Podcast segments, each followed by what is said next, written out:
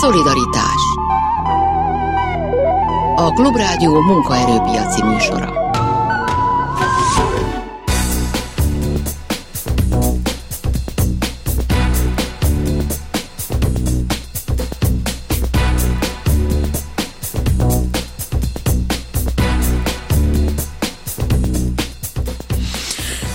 Jó napot kívánok, Sámeszi János vagyok. A mai műsorban beszélgetni fogunk arról, hogy az új kormánynak milyen feladatai lesznek a munkaerő piacon.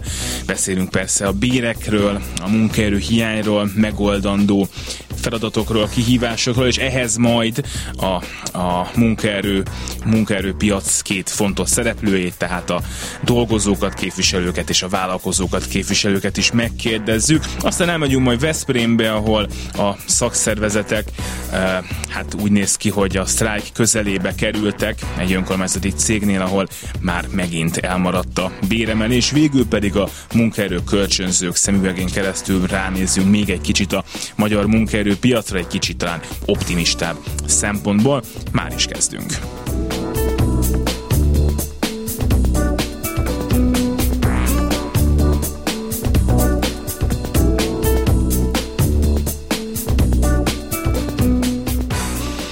És itt van velünk Székely Tamás, a Magyar Szakszervezeti Szövetség alelnöke, a Vegyipari Dolgozók Szakszervezetének elnöke. Szerbusz Tamás, jó napot! Napot kívánok, köszöntöm a rádió hallgatóit. És hát akkor kezdjük ott, hogy nyilván ebben a műsorban nem szoktunk ugye közvetlenül politizálni, tehát arra semmiféleképpen sem kérlek, hogy értékeld a választások eredményét, de arról mindenféleképpen kell beszélnünk, hogy az új kormányt azért ismerni fogják a szakszervezetek is, az érdekképviseletek is, tehát hogy valamit biztosan lehet abból sejteni, hogy mire lehet számítani, amikor a szociális párbeszédről van szó, amikor arról van szó, hogy le kell ülni, egyeztetni mondjuk a minimálbérről. Ebben a tekintetben mennyire lehet optimista a, a szakszervezeti szövetség alelnöke? Hát ugye 12 év tapasztalata van mögöttünk, és ebben a 12 évben azért a munkatörvénykönyvtől kezdve rosszabb a törvényig bezárólag nyugdíj kérdések tekintetében is elég sok tapasztalatot szereztünk. És hát az látszott ugye a választási kampány időszakában, hogy az ellenzéknek és a, a jelenlegi kormánypártnak is, a Magyar Szakszervezeti Szövetség illetve valamennyi a választáson résztvevő pártnak megfogalmazott egy 10 pontos elvárást a jövőbeni kérdések tekintetében. Megmondom őszintén, hogy az ellenzéki programban azért ebből a 10 egy néhány pontból néhány, ha nem is kibontva, de azért néhány gondolat visszaköszön. A választásokat megnyert párt programjába, ami nem csen, vagy nem volt, abban ez viszont nem köszönt vissza. Tehát, hogyha ebből indulunk ki, akkor biztos vagyok benne, hogy egy izgalmas négy év elé nézzünk, ami a szakszervezeteket és a munkavállalókat érint. Nézzük meg ezt a tíz pontot egy kicsit. Mondjuk melyek ezekből azok, amik, amik nek kapcsán kiemelten aggódsz, hogy a új kormány, amelyik hát nyilván hasonlítani fog a régi kormányra, még akkor is, hogyha a személyek például nyugodtan változhatnak, mondjuk nem biztos, hogy nyitott lett ezeknek a, megval- ezeknek a megvalósítására. Én az egyik legfontosabb kérdésnek például az érdekegyeztetést tartom. Tehát a, ha nem változik semmi, és ugyanaz folytatódik tovább, ami az elmúlt időszakban, akkor, akkor itt nagyon komoly konfliktusok lesznek a továbbiakban is. Hiszen, hogyha megnézzük a rendvédelem területén, ugye ott elvették a korengedményes, korkedvezményes nyugdíj egyeztetés nélkül, majd az egészségügybe bevezették a ö, különböző szabályokat, most látjuk a pedagógusok területén is, és számos más területen is. Ha egyeztetés van, akkor van munkabéke. Ezt egyébként a munkahelyeken látjuk, tapasztaljuk. Nem csak most, hanem az elmúlt száz évben. Abban az esetben, hogyha nincs egyeztetés, és minden olyan gondolatot, vagy olyan intézkedés, ami legyen bármilyen ö, intézkedés a munkavállalókat érinti, és nincs egyeztetés előtte, ez biztos vagyok benne, hogy komoly hozni. És ez az egyeztetés, ami, hát ugye ez mindig látszik, hogy elmentek, egyeztettek, megvannak a megfelelő fórumok erre. Hát ugye most a pedagógusokat említetted, tőlük lehetett nagyon sokszor hallani, hogy hát ezek az egyeztetések, ezek vagy nem voltak úgy az igaziak, vagy elmaradtak, vagy már éppen úgy tűnt, hogy megegyeznek valamiben, aztán, aztán mégsem, de hogy a fórumok megvannak, tehát oda lehet menni, tudtok találkozni döntéshozókkal, vagy legalább azokkal, akik a döntéshozók nevében ott eljárnak, szóval, hogy mi az, ami, ami hiányzik, az akarat hiányzik kizárólag, vagy, vagy a nyomásgyakorlásnak a megfelelő eszközei a, az érdekképviseletek oldaláról, hogy, hogy ez, az, ez az egyeztetés ez mindig valós legyen, és hogy mindig legyen mondjuk egy kompromisszumkészség a másik oldalról is? Nem, a maga a fórum hiányzik. Uh-huh. Tehát az a fórum, ami érdemben érdekegyeztet.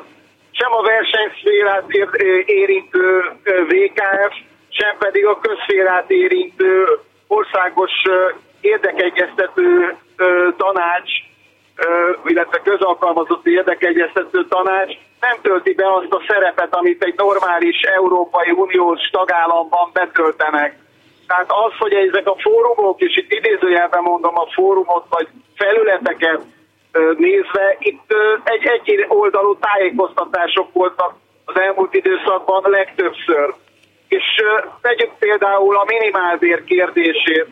Az elmúlt évek során, hogyha visszaemlékszünk arra, amikor ténylegesen vita volt a minimálbér emelésről, akkor a kormány nem vett igazából szerepet, és nem akarta elősegíteni az egyeztetést, ami egy normális esetben szükséges, és adott esetben szerepet vállal a, a munkáltató és a szakszervezet között a kormányzat.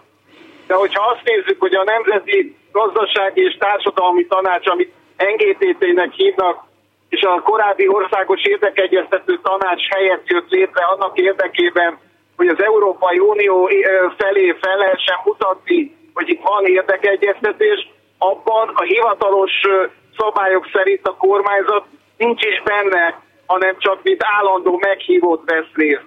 Tehát ezek, ezek azok az alapvető kérdések, amelyeket az úr kormányzat előtt tisztázni kell, és ebben én nem vagyok nagyon optimista, hogy ez változik az elmúlt 12 évhez képest pozitív irányba a mi szempont. Nézzük meg azt, hogy a munkavállalók milyen helyzetben vannak. Ugye ez egy nagyon, hát hogy is mondjam, kettős dolog. Megyünk kifelé a válságból, és hát abban reménykedik mindenki, hogy már a Covid válságból abban reménykedett itt mindenki, hogy, hogy a munkaerőpiacon újra minden úgy fog tudni működni, ahogy korábban, magyarán, hogy minden szolgáltatás is működhet, nem lesznek elbocsátások, visszajön a munkaerőhiányos korszak, azaz, hogy hát a munkavállalók helyzete javul. Erre kaptunk egy háborút, ami hát nyilván a legszomorúbb azoknak, akik ezt közvetlenül átélik, de óriási hatása van a magyar dolgozókra is, bizonyos szektorokra bizonyosan, bizonyos cégekre bizonyosan, és hát amire meg nagyon, az pedig az infláció, az az az, hogy az a munkabér, amit mondjuk az év elején kialkuttak maguknak, vagy kialkuttak nekik a szakszervezetek, az kevesebbet fog érni, mint amit gondoltunk, hogy érni fog, és hát ez tűnik talán egy olyan problémának, amit, amit a kormányzatnak majd kezelnie kell egészítsem ki azzal a néhány nap, hiszen csak vasárnap volt a két és fél nap telt el, hogy számos a munkaerőpiacot meghatározó fiatal, aki most szerzi meg a diplomáját, szakképesítését, már arról nyilatkozott, hogy Hollandiában és más országokban keresnek állást. Ez is nagyon komolyan hatással lesz egyébként a munkaerőpiacra. Ö, hát ez világos, és akkor a bérekre visszaugorva, ez azért azt vetítheti előre, hogy lehet egy olyan elvárás majd a következő években is a, a munkavállalóktól, hogy hát oké, okay, hogy most például minimálbéremelés az nagyon magas volt, oké, okay, hogy megint emelkedett a bérem, nem tudom, 8%-kal, de hát igazából a végére az nagyjából azt mutatta, hogy nem is volt reálbéremelkedésem, azaz, hogy akkor 2023-ban is szeretnék valami nagyobb összeget kapni, ami pedig hát figyelembe véve, hogy például nem lesz választás sem, és nem tudjuk azt, hogy a cégek milyen állapotban állapotban lesznek, azért egy kérdés, hogy, hogy mennyire valósulhat, mert magyarán, hogy mennyire nehéz, mennyire jönnek nehéz idők a, a munkavállalók számára. én azt gondolom, hogy sokkal nehezebb időszak jön a munkavállalók számára, mint ami az elmúlt időszakban mondjuk a Covid esetében volt. Ez már néhány területen meg is mutatkozik részben a szállítási nehézségek, illetve az alapanyag hiány következtében.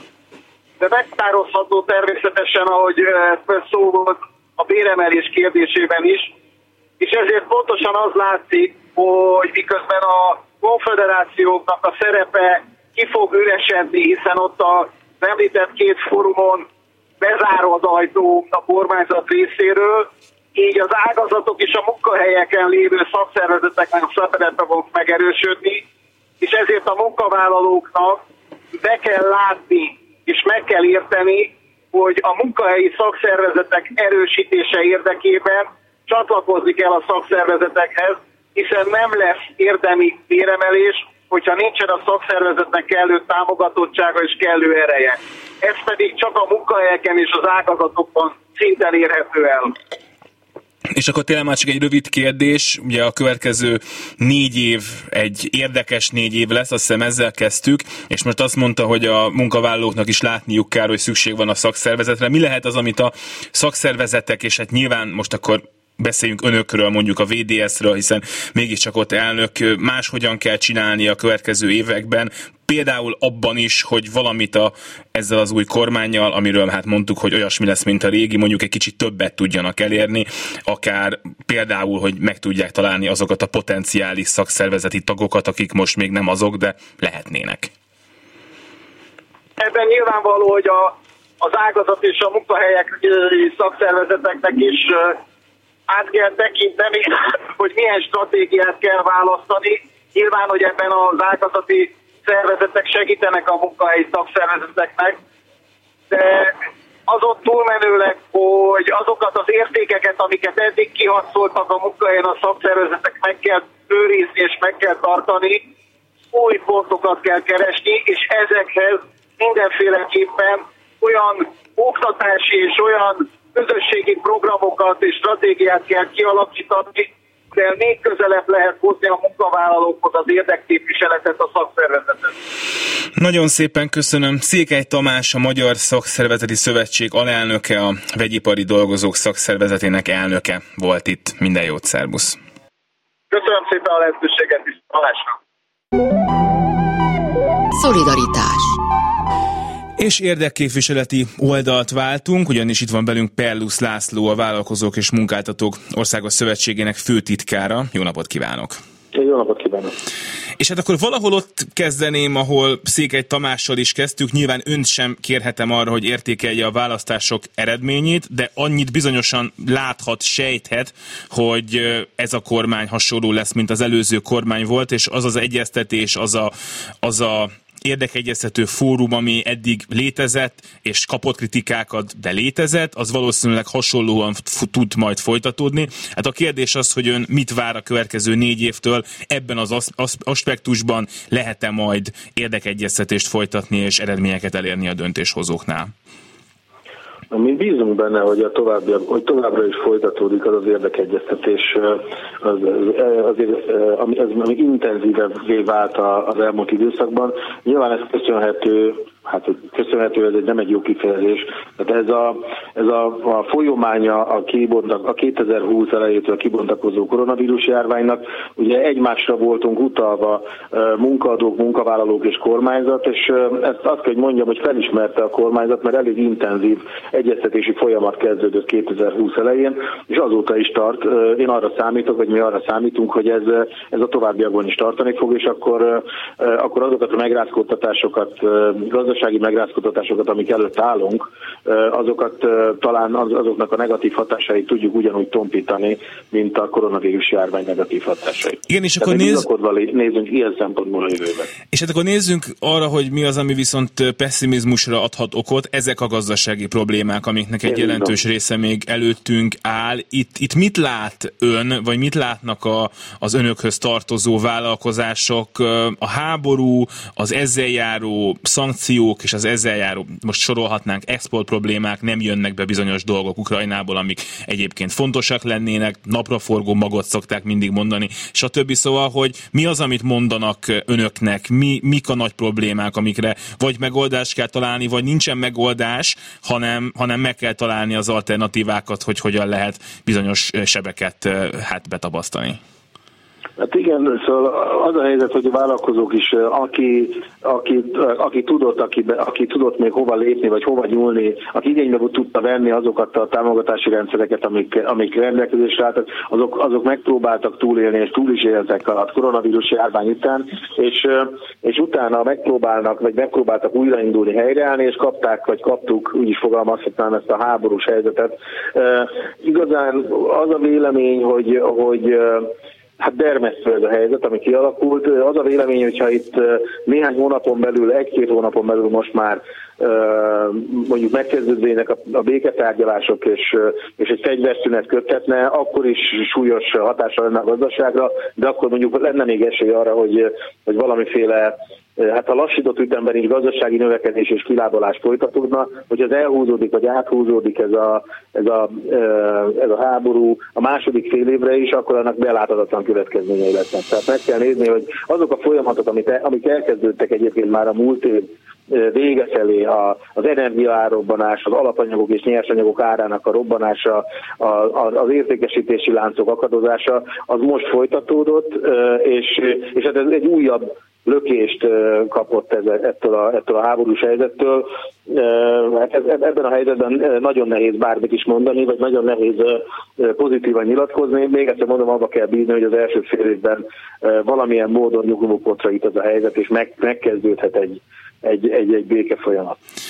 Ugye vannak itt a magyar gazdaságban ilyen, hát nehezen tudjuk, hogy mi lesz belőle dolgok, gondolok itt a különböző árstoppokra, gondolok itt a benzinárnak a maximalizálására, amik ugye hát a vállalkozásokat negatívan érintették, és ezek mind olyasmik, amiket hát feltehetőleg ki kell majd szedegetni a rendszerből, ami lehet, hogy jó lesz egy benzinkútnak mindenképpen, hogyha mondjuk tud pénzt keresni azzal, hogy eladja a portékáját, de hogy azért okot ad aggodalomra is, hogyha ennyi, hát úgymond csapda van a gazdaságban, annak, annak hogyha ezeket eltüntetik, ha nem is egyből, de nyilván lesz hatása akár a fogyasztókra, és akár így a vállalkozásokra is, szóval, hogy ezek is olyan dolgok, amiket jó lenne, hogyha meg tudnának beszélni a döntéshozókkal a különböző érdekvédelmi szervezetek is? Mindenképpen, mindenképpen. Amit, amit ön említett, ez, ez mindez egy, egy olyan gazdaságstratégiának a része, amivel megpróbálta a gazdaságpolitika védekezni az elszabaduló árak, az elszabaduló inflációval szemben. Ugye hát ez, ez nem tarthat örökké, ezek, a, ezek az ástop, ezek, ezek kényszerintézkedések voltak, és nem csak a vállalkozókat, hanem, hanem főleg a lakosságot védték. Természetesen, ahogy ön is mondja, hogyha, hogyha ezek mondjuk megszüntetésre vagy kivezetésre kerülnek lassan, nem hiszem, hogy egyik napra a másikra, de mindenképpen csökkenteni kell az ástoppoknak a, a, a, a jelentőségét. És ezek kivezetésre kerülnek, akkor persze Persze túl egyszerű lenne úgy gondolkodni, hogy akkor a benzinkutasok újra pénzhez juthatnak, mert azért, mert azért egy ilyen magas infláció, vagy még tovább növekvő infláció azért szétvilálja a gazdaságot. Tehát előbb-utóbb megakasztja a fizetőgépes keresletet, előbb-utóbb olyan elértéktelenedése van a, lehet a forintnak, illetve hát az európai devizáknak is, amelyek, amelyeket mindenképpen meg kell állítani. Tehát további nagyon komoly döntések, gazdasági döntésekre van szükség, és én is arra számítok, hogy, hogy megint csak az a helyzet van, talán még jobban, mint a koronavírus járványban, hogy egymásra vagyunk utalva, hiszen egy gazdaságban egy gazdaságot próbálunk életben tartani vagy fejleszteni. Ugye én még egyszer mondom, arra számítok, hogy a gazdaságpolitikában folytatódnak az egyeztetések, nagyon nehéz helyzetek alakulhatnak ki, nagyon komoly döntéseket kell hozni. Az infláció megakadályozására, mert még egyszer mondom, ez már nem, ez nem jó senkinek, nem csak, a, nem csak a, a lakosságnak nem jó, ez nem jó a vállalatoknak is, ez nem jó az exportőröknek is, mert az exportnak mindig van importtartalma. Az energiárak elszabadulása után, után senki, mindenki, mindenki sérülni fog a gazdaságban, minden vállalkozás, minden minden gazdasági szereplő, úgyhogy, úgyhogy ebben, ebben nagyon komoly koncentrálásra és higgadt higgadtan megbeszélni és cselekedni kell az elmúlt idő. Ha már az inflációt említette, akkor erről beszéljünk egy picit, mert ugye, hogy ez egy olyan dolog, ami, ami mindenkit érint, bemegyek a boltba, valami sokkal drágább, és akkor ebből ugye következhet az, hogy hát csúnyán nézek és megveszem, és akkor kicsit haragszom a nem tudom a, a, a pénztáros nőre, hogy olyan sok szám, magas számot mond a végén, de hogy ettől lesz a dolog még, még folyik a kereskedelem, ahogy kell, de hát az is következhet belőle, hogy nem veszem meg, mert már nem tudom megvenni, és akkor bizonyos uh, fogyasztási problémák egyes cégeknél azért fel fognak merülni, a vásárlók eltűnnek. Ugye a harmadik dolog pedig az, hogy kaptam egy fizetésemelést az év elején, lehet, hogy kezet fogtunk a főnökömmel, és nagyon boldog voltam, hogy rendben vagyunk, majd a év felénél arra fogok rájönni, hogy hát rosszabbul élek, és uh, oda fogok menni megint a főnökömhez, és azt mondom neki, hogy hát figyelj, akkor valahogy mi valamit csináljunk már ezzel, a főnök pedig azt fogja mondani, hogy oké, okay, de mindenki rosszabbul él, és nem veszik meg tőlünk, mert drágább. Szóval, hogy ezt a problémát azért nagyon sok szempontból kéne, és nagyon nehéznek tűnik kezelni. Igen, ahogy, ahogy mondja, ez így van. Ez, ez más országokban is sajnos felmerül, nem csak Európában, de, de Európában is.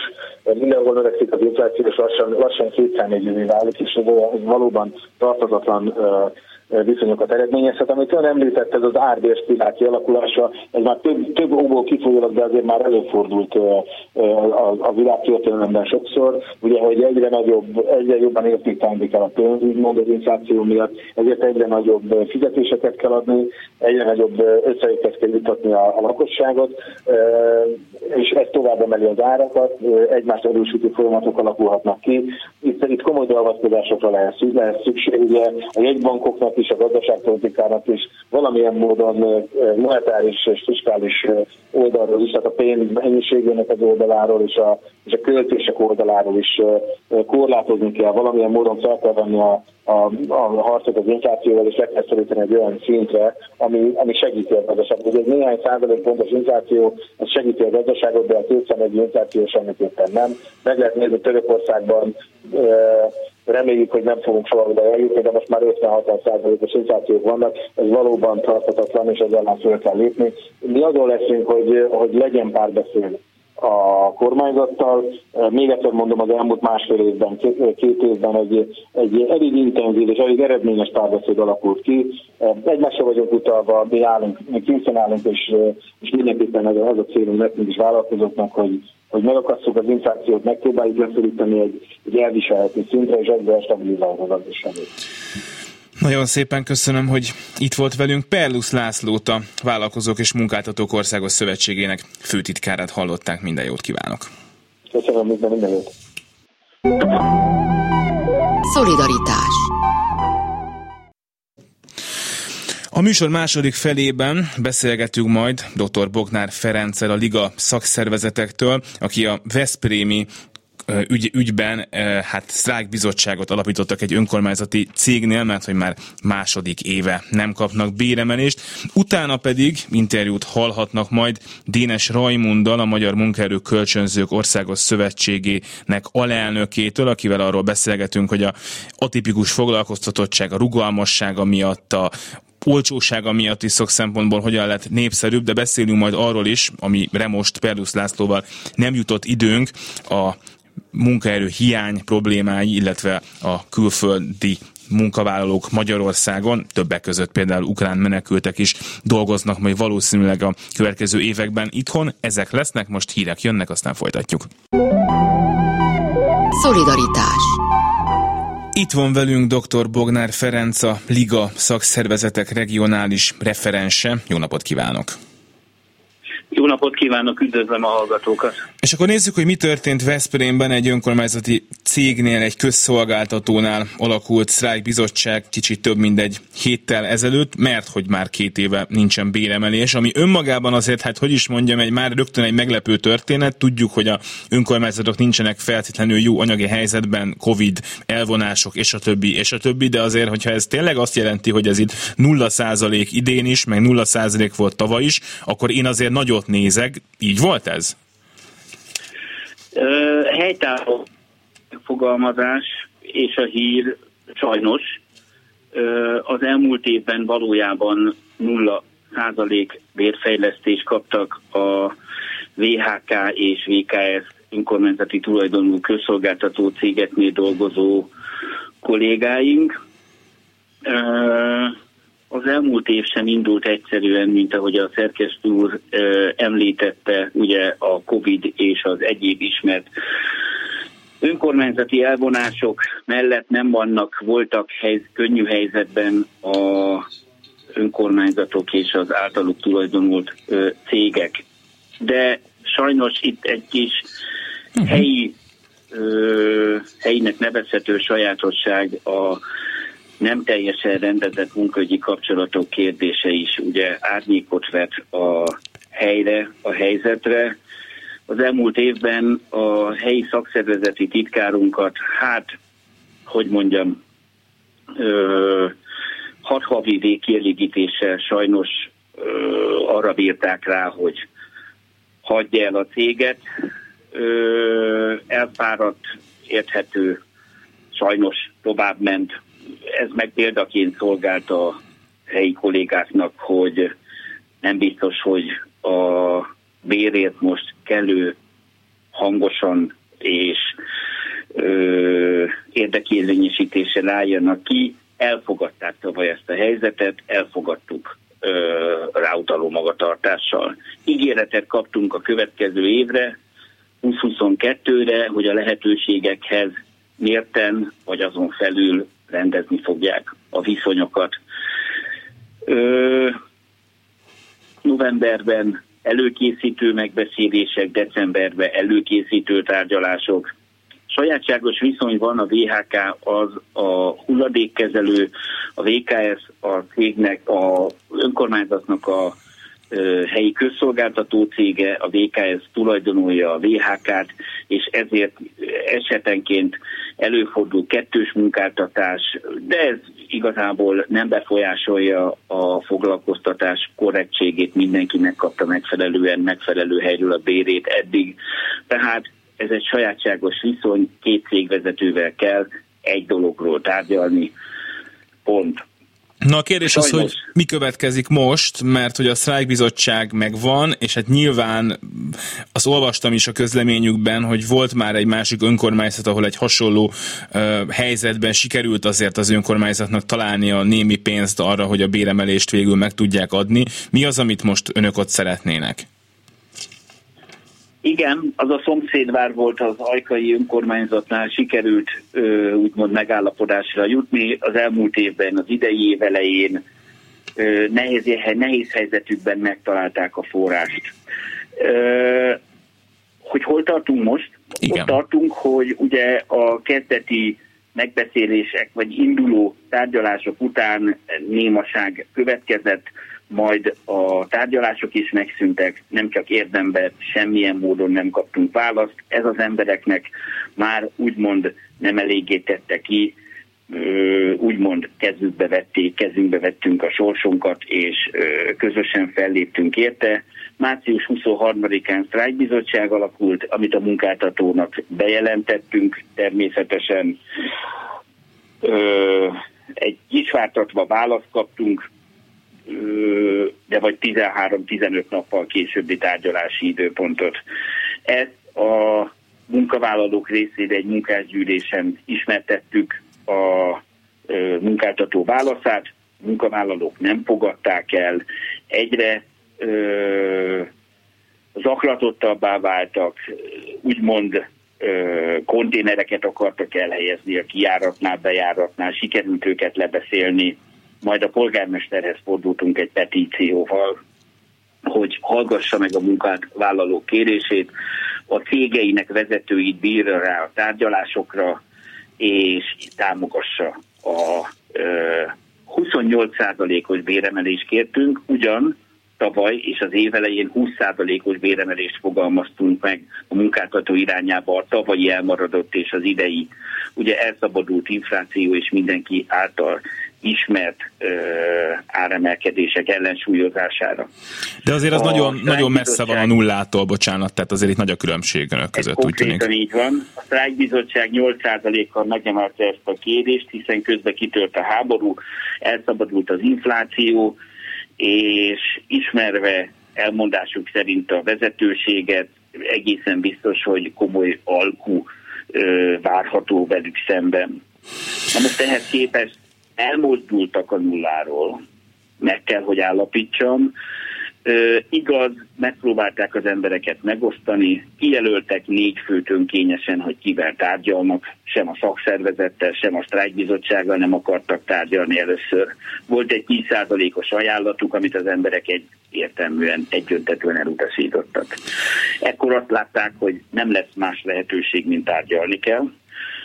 Tegnap leültünk tárgyalni, hála Istennek, meg, megvalósult az első tárgyalás. Igaz, előtte való nap megint bepróbálkoztak, ismételten ö, közvetve összehívták az embereket, azt a négy embert, akit szerencsétleneket önként kijelöltek, ugye persze ők nem önbekuk jelentkeztek, hanem kijelölődtek közvetítésre, 15%-os béremelést javasoltak már nekik, de az emberek egyöntetően elutasították. És azt mondták, hogy tárgyaljanak a sztrájkbizottsággal, és tárgyaljanak a szakszervezettel, mert ez a rend, ezt kérik, ő a képviselő, és hmm. hál' Istennek ez tegnap megvalósult ez a tárgyalás. Polgármester úr is ugyan telefonon a tárgyalás előtt bejelentkezett, elmondta, hogy támogatja és az önkormányzat forrásokat mozgósít a megállapodás érdekében. Hát akkor meglátjuk, hogy végül mennyi lesz az az összeg, amiben meg tudnak állapodni. Köszönöm szépen, hogy itt volt. Dr. Bognár Ferencet, a Liga regionális referensét hallották. Mondja, csak röviden kérem. Szerkesztő úr, igen, hogy valami tényleg nincs rendben a környéken, mert ma kaptuk délelőtt az értesülést a helyi kollégáktól, hogy még egy bizottság alakult a városban. Méghozzá helyi közlekedést a V-busz gépkocsi kuszvezetői vel sem sikerült nem hogy megállapodni, azaz tárgyalásban voltak, de hát ezt majd ugye elolvassuk a híradásokból. Megpróbáljuk jövő hétre felhívni őket is, hát ha mondanak nekünk valamit. Van, Köszönöm szépen, hogy itt volt. Valójában értik azt, hogy az emberekkel tárgyalni kell, és a munkának az ellenértékét ki kell fizetni, és ezért pontos lelkiismeretes munkavégzést kapnak. Köszönöm minden, a lehetőséget. Minden jót kívánok! Szolidaritás a következő beszélgetést korábban rögzítettük, méghozzá Dénes Rajmundal, a Magyar Munkaerő Kölcsönzők Országos Szövetségének kommunikációs alelnökével kiadtak egy fordulóponthoz érkezett a Munkaerőpiac című közleményt. Erről kérdeztem őt. Mindig van egy fordulópont, csak mindig más szemszögből. 32 éve foglalkozom HR szolgáltatással, és azóta nagyon megváltozott és átalakult a munkaerőpiac. Amire a mostani cikkünkben gondoltunk, az pedig az, hogy teljes mértékben kidomborodott az, csináltunk egy belső felmérést, kutatást az érdekvédelmi szervezet tagjai és annak a munkavállalói, tehát a kölcsönzött dolgozói és a partnerei, tehát a megrendelőink között, és teljes mértékben kijött az a szemléletmód és látásmód, ami minket az elmúlt tíz évben képvisel, hogy nekünk két, két főnökünk van, mint HR szolgáltatóknak. Az egyik a munkavállaló, a másik a megrendelő partner és azok a megrendelő partnerek, akik nagyobb hangsúlyt fektetnek a dolgozóiknak a megtartására, és nem csak az új dolgozóknak a behozatalára, amit kikövetett tulajdonképpen az elmúlt időszakban a munkaerőpiac, azok tudnak szakmailag is, emberileg is csapatot építeni, megtartani és fejlődni.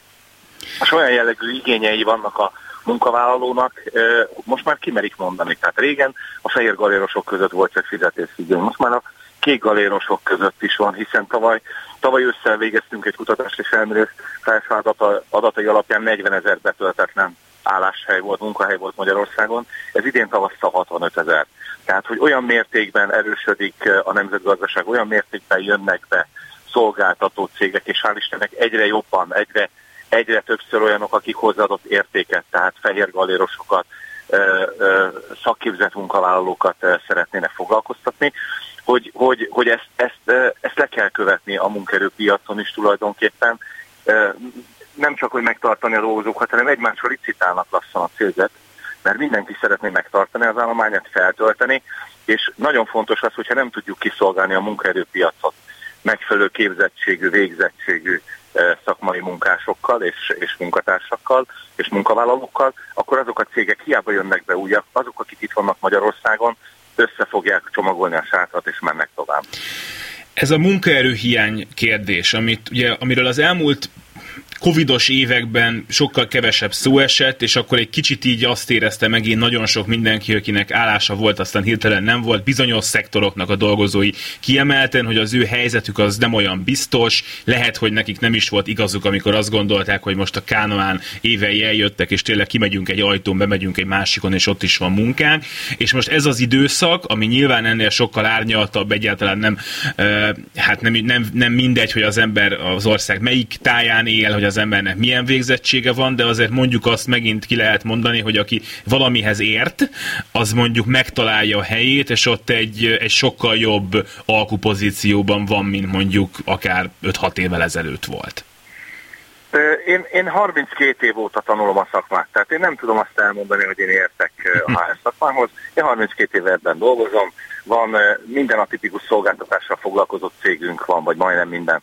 Tehát van diákszövetkezetünk, munkerőkölcsönző cégünk, nyugdíjas szövetkezetünk is. Tehát némi, én úgy gondolom, hogy némi rálátásom van a magyar munkerőpiacra. És nyugodt szívvel ki tudom azt jelenteni, hiszen, hiszen több, több, több ezer, több tízezer interjú van mögöttem, hogy mai, mai világban Magyarországon, aki dolgozni szeretne, azt tud. Tehát aki akar dolgozni, azt tud. Nem mindig az ideális munkahelyet találja meg, nem mindig tud teljes mértékben a szakképzettségnének megfelelően elhelyezkedni, de ha, ha, ha van rá ambíciója és szeretne karrierutat bejárni, előbb-utóbb mindenki, ha akarja, akkor megtalálja azt a munkahelyet, akkor ki tud teljesedni, ahol tulajdonképpen teljes értékű munkavállaló tud lenni.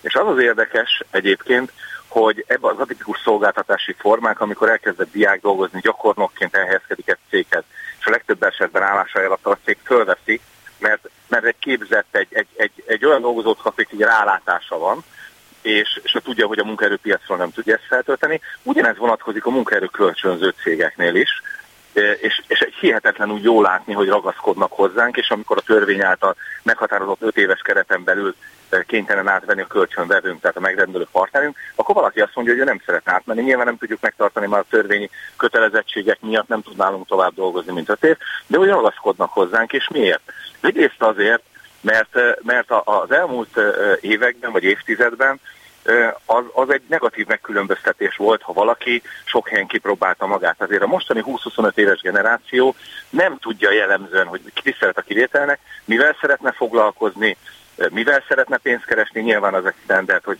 kevés munkával sok pénzt szeretné keresni, de ez még kevés ahhoz, hogy megtalálja a helyét a, az életben és a munkerőpiacon. És amikor mondjuk beír egy önéletrajzba, mondjuk egy vagy két éven belül volt tíz munkahelyen, mert hogy egyik se olyan volt, amit elképzelt magának, és keresi a helyét, akkor, akkor ez negatívan hat. Lehet, hogy már az önéletrajz alapján be se hívják, ha nem írja be, maradt két év, akkor azért nem írják bele, mert tudják azt, hogy valami nem frankó, és nem írja le őszintén, hogy miről van szó.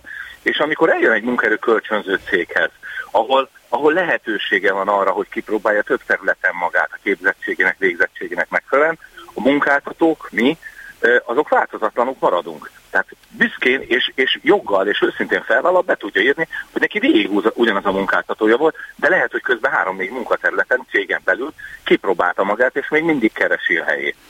És ez szerintem egy óriási nagy dolog, és óriási nagy dolog az is, hogy a HR szolgáltatók rájöttek arra, mert itt is óriási nagy természetesen a verseny a HR szolgáltatási szektorban, hogy nem elég egy munkavállalót felvenni, elhelyezni a céghez, leszámfejteni a, a munkabérét, és kifizetni határidőre ugye a munkatörvénykönyv szerint ágyhoz követő tizedikéig. Mert ez egy alap dolog.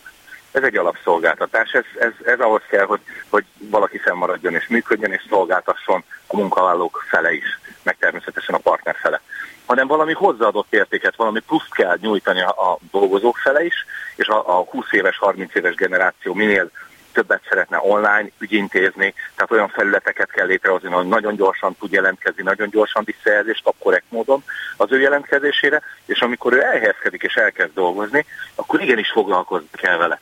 És ezt elvárják a megrendelő partnereink, és értékelik, ugyanis nekik a fő szolgáltatási profiljuk, a termelés és más egyéb szolgáltatási szektor, ők abba profik. Mi viszont HR szolgáltatók vagyunk. Tehát tőlünk elvárják, hogy mi ha ebbe vagyunk profik, akkor ebbe tudjunk kiteljesedni és maximálisan szolgáltatni, és ehhez hozzátartozik az is, hogy a dolgozóknak több mint az 50%-a jellemzően nem munka, munkavégzéssel és az ő óraszám nyilván, e, e, tartásával, óra nyilvántartásával kapcsolatos kérdés, vagy szerződés, vagy papírügyintézés miatt jön le, hanem hogy ezt mondta a művezetőm, ez is ez a helyzet, ez is ez a probléma, nem érzem jól magam, szeretném más területen is kipróbálni magam, felajánlottak egy lehetőséget, mi a véleményetek, megfelelek ennek, jól döntök el, ha így döntök. Tehát egy olyan coaching szolgáltatást, egy olyan hozzáadott értéket kell tudnunk képviselni, és képviseljük mi a cégcsoporton keresztül, és az érdekvédelmi szervezet tagjai is tulajdonképpen ezt maguknak vallják és működtetik, amivel egy plusz szolgáltatást tudunk a munkavállalók felé is nyújtani.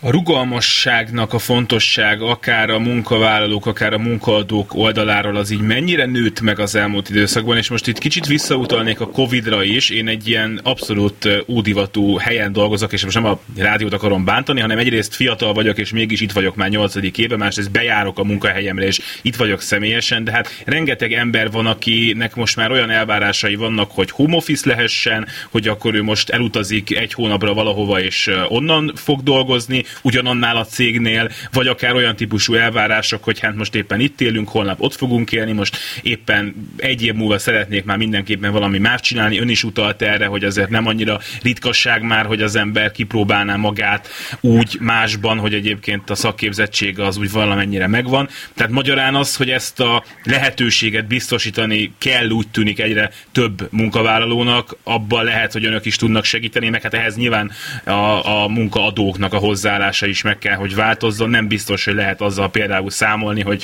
ha valakit fölveszünk, akkor ő mondjuk két év múlva is még ott és ab, nagyjából abban a munkakörben majd tud és szeretne dolgozni. Teljesen jogos a, a felvetés, és kezdem avval, amit a, ön, ön az előbb említett, hogy a COVID hogyan változtatta meg és alakította ki a, a rugalmas munkavégzési igényeket és lehetőséget. Hát eleve ugye mondhatni a HR szolgáltatók az atipis foglalkoztatási formának a, a 25%-át képviselik. És a maga a home office is egy atipikus szolgáltatási forma, foglalkoztatási forma, és mondhatnám azt, hogy most már a munkavégzéseknek legalább a kétharmada és a munkaköröknek a kétharmada atipikus szolgáltatásban valósul meg. Tehát a munkavállaló részéről ez már a bércsomag része, és az ő bértárgyalásának a része, hogy hány napot tud ő otthon home office-ban lenni, és otthonról ellátni a munkáját, hiszen ha technikai feltételek adottak, egy számítógép, egy telefon és otthon kialakítható munkakörnyezet, akkor, akkor ez, ez működőképes tud lenni. Ez régebben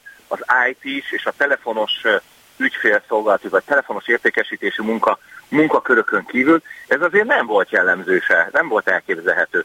Most pedig olyan jelet, tehát irodaházak ürültek ki, munkakörök, hát hihetetlen mennyiségben nőtt a, laptopok és a mobiltelefonok iránti igény a Covid időszak alatt, mert minden céget elsősorban nem lehetett erre felkészülni. Mi se tudtunk, partnereink se. Tehát aki azt mondja, hogy erre fel tudott készülni, azt szerintem nem mond igazat. Mindenkit sokszerűen ért az egész, és főleg azért is, mert nem tudtuk, hogy meddig tart ez, és jelen pillanatban is még velünk van. Hány hullám lesz, még lehet, hogy lesz 10, 18, 30 hullám, és hogyan lehet úgy átalakítani a munkaerő szervezést, a munkai kultúrát, a működési mechanizmusokat, hiszen erre kell home office szabályzat, egy csomó olyan belső szabályozást, rendszert ki kellett alakítani, ami korábban nem volt, nem volt regény, nem volt működőképes, hogy ez, ez, ez, ez a dolgozók részéről is egy komfortérzetet alakítson ki. Nekünk van olyan dolgozónk, aki bejárt nap, mint nap, azt mondta, hogy ő egyszerűen nem tud átállni, nem tudja megszokni, neki szüksége van arra, hogy reggel fölkeljen, fölöltözzen, és irodai környezetbe dolgozzon. Volt olyan dolgozónk, akinek azt mondtuk, hogy most a Covid időtartalma alatt otthon dolgozik, és amikor szóltunk neki, hogy be kéne jönni dolgozni, és a személyes jelenlét is hozzátartozik a munkavégzési kötelezettségéhez a munkaköréhez, szó szerint fel volt háborodva, és nem volt hajlandó bejönni dolgozni. Úgyhogy ennek az egészséges arányát és egyensúlyát kell megtalálni, és amíg a Covid időszak alatt nagyon, nagyon rányomta a bélyegét, és nagyon sok munkakört alakítottak, tettek meg, nagyon gyorsan, tehát nyár után ősszel tulajdonképpen kezdett magához térni a gazdaság. Mi 2020 óta heti riportot küldünk munkaerőpiac alakulásáról 11 munkaköri csoportban, 4, 4, 4 tehát 11 iparági szektor szinten, a, kifejezetten a magyar, az EU-s magyar, a, a, a, a nem EU-s külföldi, tehát Románia, illetve a szerb-ukrán munkavállalóknak a foglalkoztatási arányát monitorozva, és nagyon jól lekövethető volt, és hetente adatszolgáltatást kell küldenem a, a, az Innovációs és Technológia Minisztériumnak, és e, e, ebben nagyon jó partnerek voltak, és nagyon nagy segítség volt számukra, hogy rögtön azonnal visszajelzést kaptak, látták azt, hogy azok a munkahelyteremtő, munkahelyvédelmi vagy gazdaságvédelmi intézkedések, amit a kormányzat hozott, azok milyen hatással voltak a munkaerőpiacra, illetve a Covid éppen a munkaerőpiacnak, a melyik iparágnak, melyik, melyik szektorát tulajdonképpen nullázta le, vagy sokkolta le. És ezek nagyon jól végigkövethetőek voltak az elmúlt három évben ez az együttműködés azóta is folyik. Hogyha már megemlítette a külföldi munkavállalókat, ez most egy kiemelten fontos kérdés. Önmagában is az elmúlt években az volt, tehát hogy a munkaerő hiányból nyilvánvalóan következik, hogy szükség van arra, hogy külföldiek idejöjjenek. Hát most pedig jönnek, hiszen Ukrajnából nagyon sok ember érkezett Magyarországra, közöttük nyilván rengetegen vannak, akik foglalkoztathatóak, és itt is szeretnének adott esetben maradni. Ez megint egy olyan történet, ami egyrészt igényel, hát hogy is mondjam, szakszerű segítséget, ha én vagyok egy cég, van nem tudom 20 alkalmazottam, egyáltalán nem biztos, hogy alkalmas vagyok arra, hogy mondjuk megtaláljam ezeket a külföldi potenciális munkavállalókat. Másrészt pedig, ha valaki elkezd nálam dolgozni, mondjuk egy ukrán menekült, akkor egyáltalán nem tudhatom, hogy ő mondjuk két hónappal később még itt lesz az országban, hiszen az ő élethelyzete aztán még sokkal inkább tud változni, mint egy, mint egy nem menekült munkavállalói. Tehát magyarán itt meg arra van szükségem, hogyha ő mondjuk elmegy, akkor utána rögtön találják a helyére valaki mást, amihez meg megint nem biztos, hogy én egyedül elég vagyok. Így van, és pont, pont amit említett, ezért is támaszkodnak jelentős mértékben erre a, a megrendelő partnereink, tehát a nagy cégek, a munkaerő kölcsönzőkre, hiszen a kormány tavaly lehetőséget adott arra, hogy minősített foglalkoztatóként ők egy könnyített munkavállalási engedéllyel behozhassanak, vagy dolgoztassanak és foglalkoztathassanak ukrán állampolgárokat, és akkor még senki nem gondolta, hogy ez, ez a háború által tulajdonképpen milyen, milyen jó hatással, vagy egy jó foglalkoztatás politikai eszközet, hiszen mondjuk az elmúlt 8-10 évben Jellemzően azért olyan munkavállalók jöttek Magyarországra külföldről, akik tudták a magyar nyelvet, tudták értelmezni a magyar munkai oktatási és munkavédelmi utasításokat, és az adott termelési vezető vagy műszakvezető szót tudott vele érteni. Nagyon fontos azt is tisztázni, hogy, hogy az elmúlt 5-10 évben fokozatosan nőtt a külföldi munkavállalóknak a száma Magyarországon, de soha nem a magyar munkavállalóktól veszik el a munkalehetőséget és egy helyet. Aki ezt mondja, az, az, az, annak nincsen rálátása és nincs tisztálátása a munkaerőpiacra. Hiszen a törvény is úgy szabályoz és úgy határozza meg, hogy azokban a munkakörökben, amit a magyar állampolgárral, magyar munkavállalóval nem lehet betölteni, csak arra lehet külföldi állampolgár, külföldi állampolgársággal rendelkező munkavállalót foglalkoztatni. Most a háború időtartalma alatt, és egyébként az elmúlt 5-10 évben több tízzer külföldi munkavállaló dolgozott itt, már Magyarországon, és köszönhető az munkavégzésüknek is, hogy a GDP így alakult, illetve az, hogy sok cég, aki idehozta a termelését, a beruházásait, nem ment el Magyarországról, mert fel tudtuk tölteni munkaerő szakképzett és szakképzetlen munkaerővel. A háború ezt egy picikét felgyorsította, átalakította, megváltoztatta. Itt egy nagyon erős humanitárius, humanitárius oldala is volt, hiszen segítséget kellett adni és nyújtani, és nem elsősorban azt kellett látni, hogy, hogy akkor úristen mennyi, mennyi szakképzett vagy szakképzetlen munkavállaló jön be Magyarországra, és akkor most megoldódik majd minden problémája mindenkinek, hiszen, hiszen a, a, azok, akik jöttek, elsősorban ugye a férfiak azok otthon maradtak hatköteles dolgozóként, vagy hatköteles sorkatonai szolgálatként ugye a háborúba. Jött a feleségük, jött a családjuk, vagy jöttek azok a hozzátartozók, akiknek mondjuk a férjük itt Magyarországon dolgozik. Tehát őket jöttek meglátogatni, és ő, őrülük kell gondoskodni, nekik kell segíteni, és természetesen így, ahogyan is mondta, nem tudhatjuk, hogy, hogy hogyha ő nekik segít az ember és segít elhelyezkedni, akkor valóban tartósan maradnak-e Magyarországon, vagy pedig, vagy pedig adott esetben, ha rendeződik otthon a helyzet, akkor hazamennek és segítenek tulajdonképpen az otthonuknak az új építésében, hiszen nem csak lakhelyeket vesztetek el, nagyon sokan több, több tízezren vagy százezren, hanem, hanem teljesen a városok, az infrastruktúra, vagy adott esetben a gyár, ahol dolgozott, azt is lebombázták. Tehát azért ez egy, egy-két hónapnál azért inkább egy-két éves minimum, vagy akár egy 5-10 éves periódusban lesz ez az újjáépítési folyamat, ami nem fog változni. Valaki csak át átutazik Magyarországon. Tehát a kormány is nyilatkozott, hogy azért a, a, a Magyarországon határátlépőknek egy jelentős része abba kér segítséget, támogatást, hogy hogy tud tovább utazni, hiszen ezt a, a menekült státuszt tulajdonképpen kihasználva nem feltétlenül mindenki Magyarországon szeretne itt maradni, és dolgozni nem mennek tovább a nyugat-európai országokhoz, ahol korábban ez elérhetetlen lett volna számukra, és most egy kényszerű döntés miatt az egész családot összepakolva menni kell. Ez lehet Ausztria, ez lehet Hollandia, ez lehet Német, Németország, tehát olyan országok, ahol adott esetben a szociális háló, vagy a segély is, vagy, vagy adott esetben a munkavégzésért fizetett munkavégzés magasabb, az más kérdés, hogy a megélhetés is jóval drágább, de sokan ugye nem látják, csak ugye a, a, a munkabéreket hasonlítják össze, vagy azt veszik figyelembe.